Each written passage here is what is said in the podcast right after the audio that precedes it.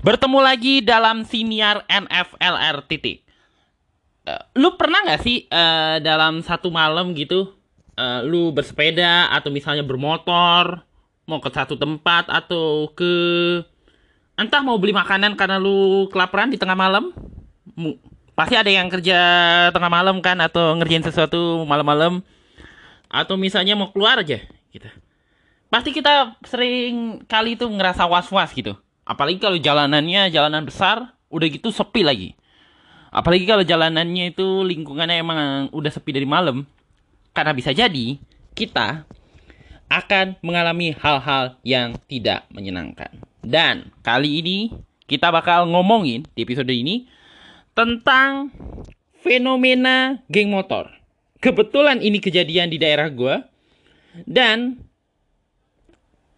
yang membuat dia menjadi menarik menurut gue dan cukup uh, menuai perhatian karena nama anggotanya nama gengnya ini lucu. Gak ngerti deh. Geng motor kan kita kejahatan-kejahatan yang seperti yang dilakukan geng motor ataupun kelompok-kelompok pada umumnya biasanya kan menggunakan nama-nama yang kasar, nama-nama yang wow, sangar lah. Dan aksi-aksinya pun juga nggak kalah sangar. Ya, pada mulanya mereka cuma balapan liar ataupun cuma kumpul-kumpul. Tapi habis itu lama-kelamaan karena udah ada eratnya persaudaraan, karena saling kenal satu sama lain, akhirnya tak jarang ada yang eh apa tuh namanya? Berujung positif buat kegiatan segala macam ada juga yang negatif.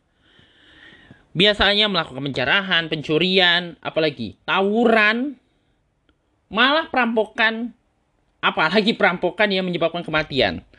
Dan ini kebetulan saja terjadi di daerah gua lebih tepatnya di Jati Uwung.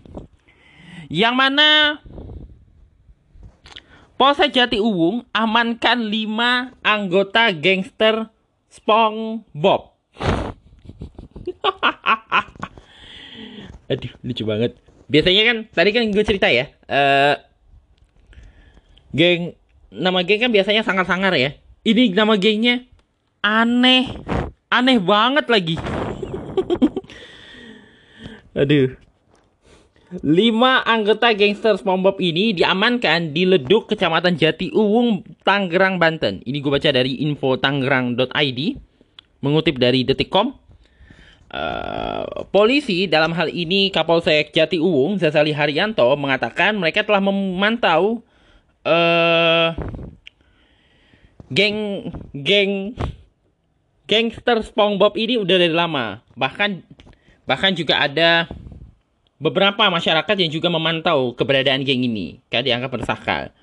Satu ketika pada 25 Desember pagi hari di tempat mereka nongkrong kebetulan saja uh, polisi bersama masyarakat melakukan patroli akhir mereka diamankan. Uh, tapi saat diamankan itu mereka belum melakukan tindakan kekerasan, tetapi geng motor itu telah merencanakan aksi kekerasan. Tepatnya,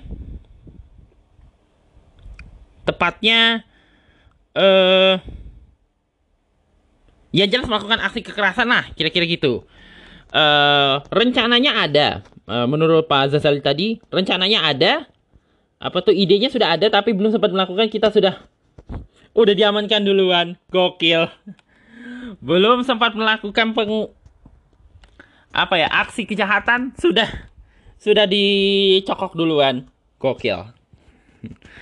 Nah uh, kelima orang yang diamankan ini berusia antara 14 sampai 15 tahun dan berstatus pelajar. Uh, saat mereka diamankan uh, mereka membawa mereka ini membawa senjata tajam tapi tidak ditaruh di badan mereka. Ada di mungkin di jok motor kali ya yang jelas mereka diamankan bersama barang bukti senjata tajam. Entahlah mungkin celurit kok. Pisau atau mungkin samurai. Ini mah bukan SpongeBob. Ini mah samurai apa tuh namanya tuh entahlah karate kid atau apa gue nggak tahu yang jelas akhirnya mereka sedang diamankan lah uh, karena perbuatannya diamankan di Polsek Jatiwung untuk didalami. Nah sebelum uh, seminggu sebelumnya ada satu kejadian yang cukup menarik lagi. Ini juga menarik menurut gue tapi bedanya kalau ini di daerah Polres Metro Tangerang, ini di daerah Polresta Tangerang. Jadi yang geng SpongeBob ini diamankan oleh Polresta eh, Polresta lagi, Polres Metro Tangerang Kota yang berada di wilayah Polda Metro Jaya. Yang ini udah wilayah hukumnya Banten. Lebih tepatnya adalah uh, Polsek Cisoka mengamankan geng motor bikini anjir uh, sama dengan uh, si ini juga si geng SpongeBob ini geng motor bikini bottom ini diamankan karena merencanakan kejahatan tapi ini lebih spesifik lagi yaitu merencanakan untuk melakukan tawuran ada 37 orang yang diamankan. Uh, saat polisi, dalam hal ini Polsek Cisoka melakukan patroli. Total ada 37 orang. Dan sebenarnya ada tiga kelompok. Menurut uh, Pak Kapolsek Cisoka, AKP Nurrahman, uh, ada tiga, yaitu geng Bikini Bottom yang diamankan ini. Empat orang. All Star, kelompok All Star tiga raksa ada 15 orang dan kelompok alumni STM Pembangunan 18 orang. Wow. Patroli itu digelar Sab pada hari Sabtu 18 Desember 2001 pada pukul 9 malam dan berlangsung hingga keesokan harinya pukul 5 pada Minggu 19 Desember. Ada tiga titik yang disambangi, yaitu Bundaran Perumahan Adiasa, Jalan Raya Serang, dan sekitar Polsek Cisoka. Eh, saat diamankan, ketiga geng motor ini hendak melakukan tawuran. Ini menurut keterangan Pak Nurrohman.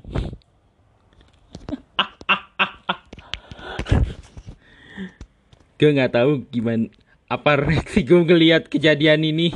Bodoh sekali. Bukan bodoh ya lebih tepatnya lucu aja gitu. Biasanya kan nama-namanya kayak Linkhart apa gitu ya. Entahlah nama-nama lainnya. Ya nama-nama yang agak sangar gitu. Nama-nama yang kasar tapi ini kok aneh ya. Makanya ada ada yang komentar kan di sini Healing Hill Angels tertawa melihat ini kata seorang pengguna Instagram ini ada juga satu pengguna Instagram hidup seperti Larry Habisnya pakai nama nama kartun sih. Nama kartun. Lucu banget. Waktu gue baca berita ini, gue tuh langsung kayak teringat gitu. Teringat sesuatu. Lu pernah nggak ya sih ngeliat kayak gambar gitu di meme atau apa gitu? Ada anggota geng. Bajunya sangar. Oh sangar banget lah. Kayak gangster beneran. Tapi motornya gambar Hello Kitty. gara-gara kejadian ini gue tuh langsung teringat itu aja gara-gara itu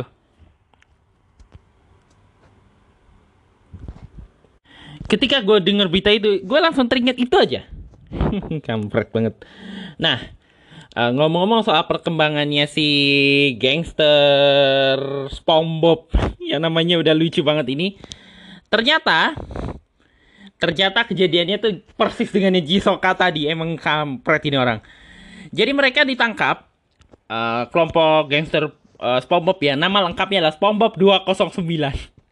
Pakai nama 209 lagi si anjing. Jadi ini adalah keterangan daripada Kombes Endra Zulfan, Kabit Humas Polda Metro Jaya. Uh, geng ini ditangkap pagi hari, seperti yang tadi gue bilang. Jadi ternyata mereka ini sedang mengatur janji dan mengajak kelompok bernama POH untuk tawuran via media sosial. melalui media sosial. Entahlah, mungkin Messenger, mungkin DM Instagram, dan DM Twitter, atau mungkin WhatsApp, atau mungkin Line, apa mungkin Telegram. Kan banyak ya aplikasi-aplikasi chat sekarang kan. Sekarang kan. Jadi mereka intinya ditangkap polisi, diamankan Polsek Jatiwung tadi karena janjian tawuran dengan lawannya namanya POH. Uh, via media sosial. Dan mereka telah mengatur tempat tawuran di Jalan Prabu Siliwangi, Kampung Goyong, Jati Uwung, Kota Tangerang. Karena ada informasi tersebut, informasi dari warga adanya hal tersebut, akhirnya Polsek Jati Uwung bergerak bersama masyarakat, didampingi masyarakat, langsung mengamankan anak-anak yang diduga melakukan tawuran. Ini menurut Pak Endra. Jadi kira-kira gini lah gambarannya ya. Apa tuh? Mereka lagi ngechat ya, entahlah di aplikasi chat apa atau lewat DM entah apa. Yang satu dari kelompok SpongeBob bilang ke satu temennya POH, eh, mungkin ngelihat postingan, ngelihat apa gitu. Oh, terus komen, oh, sih gitu doang cara lo. Kalau lu mau nunjukin kekuatan lo, hadapin dulu lu dong kopong gue bla bla bla bla bla bla bla terus yang dari kelompok POH nya bilang oh nantangin nih.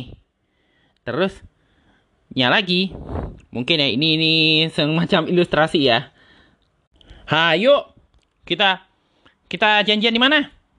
Yaudah nih nih gue Sherlock ya. Tak. Cari informasi di maps jalannya terus di Sherlock lagi nungguin temennya untuk melakukan serangan tiba-tiba Ninu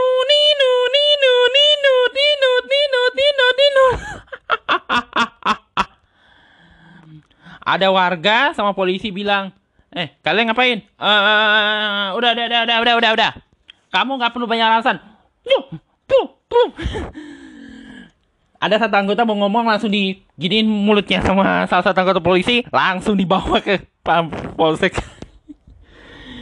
Begitu dita ditanya-tanya, abis itu, kamu nih dari kelompok mana? Kelompok SpongeBob, Pak. Oh, SpongeBob yang temennya Patrick ya? Enggak, itu cuma nama aja biar kelihatan keren. Keren-kerenan. Ini udah jelas-jelas kamu buat kejahatan pakai nama komedi lagi. Tapi menarik isu ini. Dan gue tuh curiganya kasus yang berlaku saat ini yang penangkapan baru-baru ini ini ada kena mengena dengan satu kejadian jadi ini gue baca di Metro TV News kalau nggak salah ini Tepatnya pada 5 Desember ada sebuah kejadian pembacokan terhadap seorang wanita.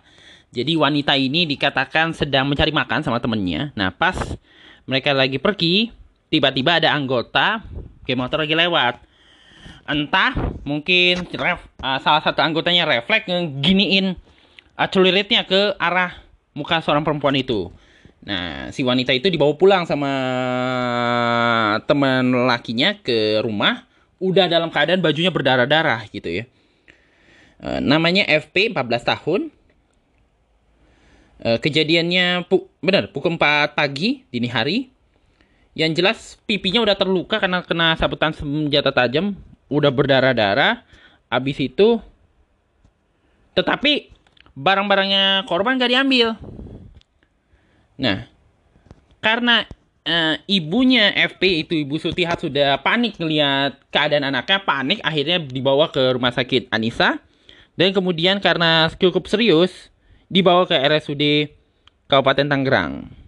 Walaupun menurut uh, Kapolsek Jatiuwung Pak Zazali Haryono, uh, kejadiannya bukan di bukan terjadi di lokasi wilayah hukumnya. Hukumnya. Yang disebut di bawah flyover tip top Jalan Gatot Subroto Cibodas. Tetapi karena kejadian itu bisa jadi ya, bisa jadi karena kejadian itu akhirnya mendengar adanya info-info geng motor berulah menjelang uh, pergantian tahun, akhirnya polisi mau nggak mau suka nggak suka, akhirnya kena bersedia Karena dari yang gue baca ya di sini aja, gue lagi buka Google kebetulan ini, banyak banget kejadian kejadian-kejadian geng motor dalam beberapa minggu terakhir ini gitu. Ini kayak di Deli Serdang ada yang sampai meninggal, kemudian ada buat balapan di Bekasi, di Jambi, di mana ini? Di Bogor, Ada juga di Jakarta. Banyak banget deh kejadiannya tentang game motor ini sehingga mau nggak mau suka nggak suka polisi harus memberikan kesekan. Tapi kalau dipikir-pikir uh, geng motor ini kan muncul daripada fenomena masyarakat ya. Ya, fenomena masyarakat dan juga karena adanya kesenangan gitu di antara para mungkin para penggawanya untuk berkumpul gitu. Kita kan terkenal sekali dengan apa yang diistilahkan sebagai fenom bukan fenomena ya. Apa ya? Tradisi guyub. Paguyuban kita kenalnya. Apa ya? Kecenderungan kita untuk berkelompok gitu. Berkelompok menurut kesukaannya, menurut kesamaan, mungkin kesamaan fisik, kesamaan suku, kesamaan uh, pandangan politik. Ada juga karena kesamaan hobi, kesenangan memainkan hobi ini. Banyak banget komunitasnya, dari komunitas fotografi sampai komunitas motor. Nah, ditambah dengan cukup banyaknya orang Indonesia yang menggunakan motor, prosentasenya cukup jumlah pengendara sepeda motor di Indonesia tuh termasuk yang cukup banyak sih. Cukup banyak, sekitar berapa ya? Gue buka dulu ya, sebentar-sebentar. Jum jumlah pengendara sepeda motor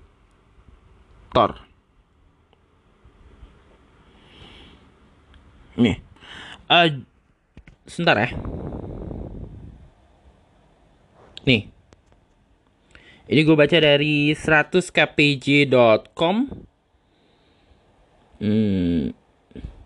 Ini. Uh, Badan Pusat Statistik mencatat ini datanya 2018 ya. Uh, jumlah sepeda motor di Indonesia mencapai 137,7 juta. Uh, data dari IC mencatat 2019 ada 6,06 juta lebih uh, sepeda motor yang terjual konsumen. Artinya secara keseluruhan kemungkinan ada 143,75 juta motor beredar di Indonesia. Berarti ya bisa dikatakan cukup banyak lah uh, pengguna motor di Indonesia. Nah, karena banyaknya pengguna motor di Indonesia, itu membuat banyak sekali anak-anak uh, masyarakat terutama anak-anak dari kalangan generasi muda ingin apa ya kayak menuangkan hobinya gitu mungkin dalam balapan atau cuma ngumpul-ngumpul sekedar ngumpul-ngumpul gue pernah ngeliat ya mungkin sekilas tapi sekilas sih. Gue lagi dalam perjalanan pulang. Gue kan biasa pergi ya ke luar sering pergi keluar karena mau motret gitu ya. Terus pas perjalanan pulang kadang-kadang kan malam. Jam 10 atau jam 11-an gue tuh sering lihat ada motor berjejeran lagi pada ngumpul-ngumpul. Gue sih mikir ada komunitas kayak komunitas motor gitu itu kejadiannya sih sebelum pandemi sebelum pandemi yang membatasi kita semua dalam pembatasan sosial atau pembatasan kegiatan masyarakat jadi tuh suka ngumpul-ngumpul gitu sesuatu yang menunjukkan bahwa apa ya kecenderungan berkumpul ini juga ada dalam anak-anak. Ada yang dalam bentuk positif, ada pula yang dalam bentuk negatif. Ah, banyak banget. Dalam bentuk positif tuh biasanya dalam bentuk komunitas motor, apa ya, komunitas Harley Davidson, komunitas contoh ini ya, komunitas motor. Uh, komunitas apa gitu? Komunitas Honda CVR. Kan ada ya? Ada dong ada juga komunitas Vespa. Gue uh, gue pernah lihat uh, satu pameran foto, bahkan gue punya bukletnya pula. Uh, saat uh, sebuah kayak buklet foto gitu kayak tabloid, tapi kayak buku kumpulan foto gitu. Uh, namanya Re judulnya Rebel Riders yang bikin itu si Muhammad Fadli kalau nggak salah, seorang fotografer yang cukup terkenal. Gue pertama kali jatuh cinta sama Muhammad Fadli itu gara-gara fotonya Kang Emil. Fotonya Kang Emil tuh keren banget deh. Foto-foto figuranya tuh cukup keren. Belakangan beliau juga terlibat dalam The Banda Journal, sebuah project yang memotret kehidupan Banda, salah satu wilayah yang cukup terkenal di Indonesia. Karena apa tuh namanya? Karena rempah-rempahnya mencetuskan sedikit huru hara politik pada masanya. Uh, dia memotret uh, sebuah jam kalau nggak salah jambore uh, anak-anak komunitas Vespa. Kan banyak ya Vespa di Indonesia yang dimodifikasi gitu. Ada yang bentuknya seperti Vespa pada umumnya, tapi ada juga yang udah dikanibalin. Udah dikanibalin, dibikin bentuk-bentuk ini. Kadang beberapa di antaranya tidak sesuai dengan spesifikasi yang diatur dalam Undang-Undang Lalu Lintas Angkutan Jalan. Dan boleh jadi juga membahayakan keselamatan pengguna jalan sih. Tetapi karena kesukaan terhadap Vespa, akhirnya mereka sanggup mengeluarkan beratus-ratus ribu, mungkin berapa jutaan untuk memodifikasi sepeda motornya. Dan menjadi kayak cita rasa gitu ketika acara-acara seperti itu ada. Banyak banget. Ada yang datang sama temennya, ada yang datang sama pacarnya, keluarganya bahkan. Ada di bukunya, cuma gue lagi males-males bongkar. Kamar gue berantakan soalnya. Yang jelas, yang mau gue omongin adalah betapa kesukaan terhadap sebuah benda gitu, sebuah, sebuah kendaraan itu bisa membentuk mengumpulkan orang-orang ini yang mungkin berbeda secara karakter ter dalam sebuah komunitas karena kesamaan kesukaan itu. Tetapi tidak jarang ada sisi negatifnya. Uh, komunitas-komunitas motor ini ada juga yang ada yang positif, ada juga yang negatif. Yang negatif ini kadang-kadang uh, kerap membuat ulah, kerap bikin keresahan di masyarakat. Apalagi karena geng motor ini uh, umumnya merupakan uh, terbentuk daripada kultur atau apa ya struktur dalam masyarakat di mana anak-anak remaja putra atau pemuda, bahkan kadang-kadang putri pula ya, anak-anak perempuan juga karena mungkin keadaan di dalam rumahnya tidak membuat dia merasa uh, dalam tanda kutip bebas, akhirnya mereka mencari pelampiasan di luar. Kar dengan latar belakang dengan latar belakang sosial daerah atau sekolah yang sama gitu. Yang membuat mereka akhirnya mempunyai kebiasaan dan kadang-kadang kelompok-kelompok ini kerap menggunakan sepeda motor sebagai wujud ekspresi untuk mengungkapkan ekspresi bahwa mereka ingin bebas, kira-kira gitu. Nah, di Indonesia uh, hampir rasanya game motor ini boleh dikatakan cukup di setiap daerah pasti ada lah ya Pertama kali gue denger masalah geng motor ini di Bandung. Dulu kan pada satu masa tuh geng motor banyak banget. Kebanyakannya di media tuh yang muncul tuh karena ulah-ulah mereka. Bikin rusuh, apa, ngerusakin fasilitas umum dan segala macamnya.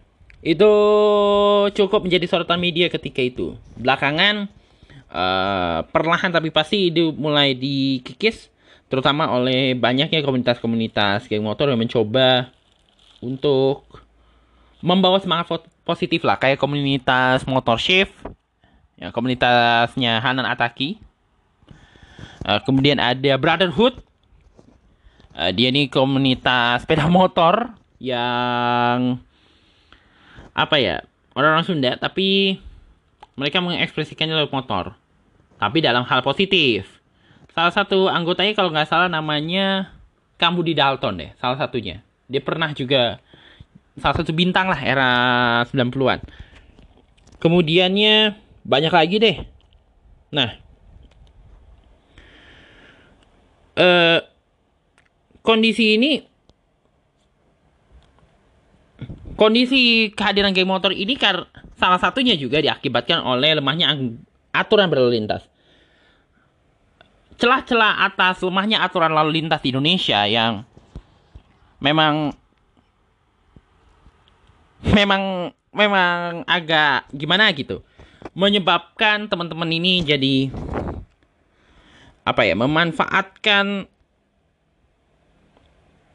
apa sih namanya kehadiran-kehadiran ini nih dan yang membuat keresahan di masyarakat dan mereka ini selalu datang dengan pemberitaan dan aktivitasnya tentang kenakalan remaja dan pelanggaran hukum. Dan dan kebanyakannya ini juga yang terlibat dalam geng motor ini ada seperti yang tadi gue jelasin karena masalah lingkungan sosial gitu. Memiliki persoalan sosial lah di lingkungan keluarganya ataupun di lingkungan pendidikannya. Terus gimana gitu? Terus mesti ngapain terhadap mereka-mereka ini? Tentu ini adalah menjadi PR bersama. Bahkan bagi kepolisian bagaimana cara mendidik mereka supaya tidak terjerat ke dalam hal itu. Dan juga masyarakat bagaimana seharusnya memberi wadah kegiatan positif. Sesuatu yang disadari betul oleh Pak Fadil Imran, Kapolda Metro Jaya yang katanya pengen bikin arena balapan liar di Ancol. Di tempat yang sama yang mau, dibikin uh, sirkuit Formula E yang diributin oleh banyak orang termasuk PSI.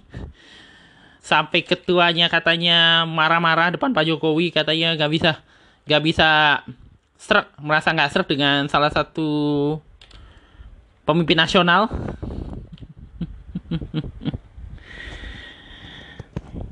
Ini yang akhirnya ya lagi-lagi ini soal PR kita bersama gitu. Bagaimana uh, membuat fenomena geng motor ini apa ya kita boleh bermotor tapi tentu berkumpul sebagai sesama pengguna sepeda motor tentu dengan cara-cara positif kalau nggak salah banyak sih. Akhir-akhir ini banyak banget uh, komunitas motor yang bikin kayak uh, bagi-bagi makanan. Apalagi di masa pandemi ya.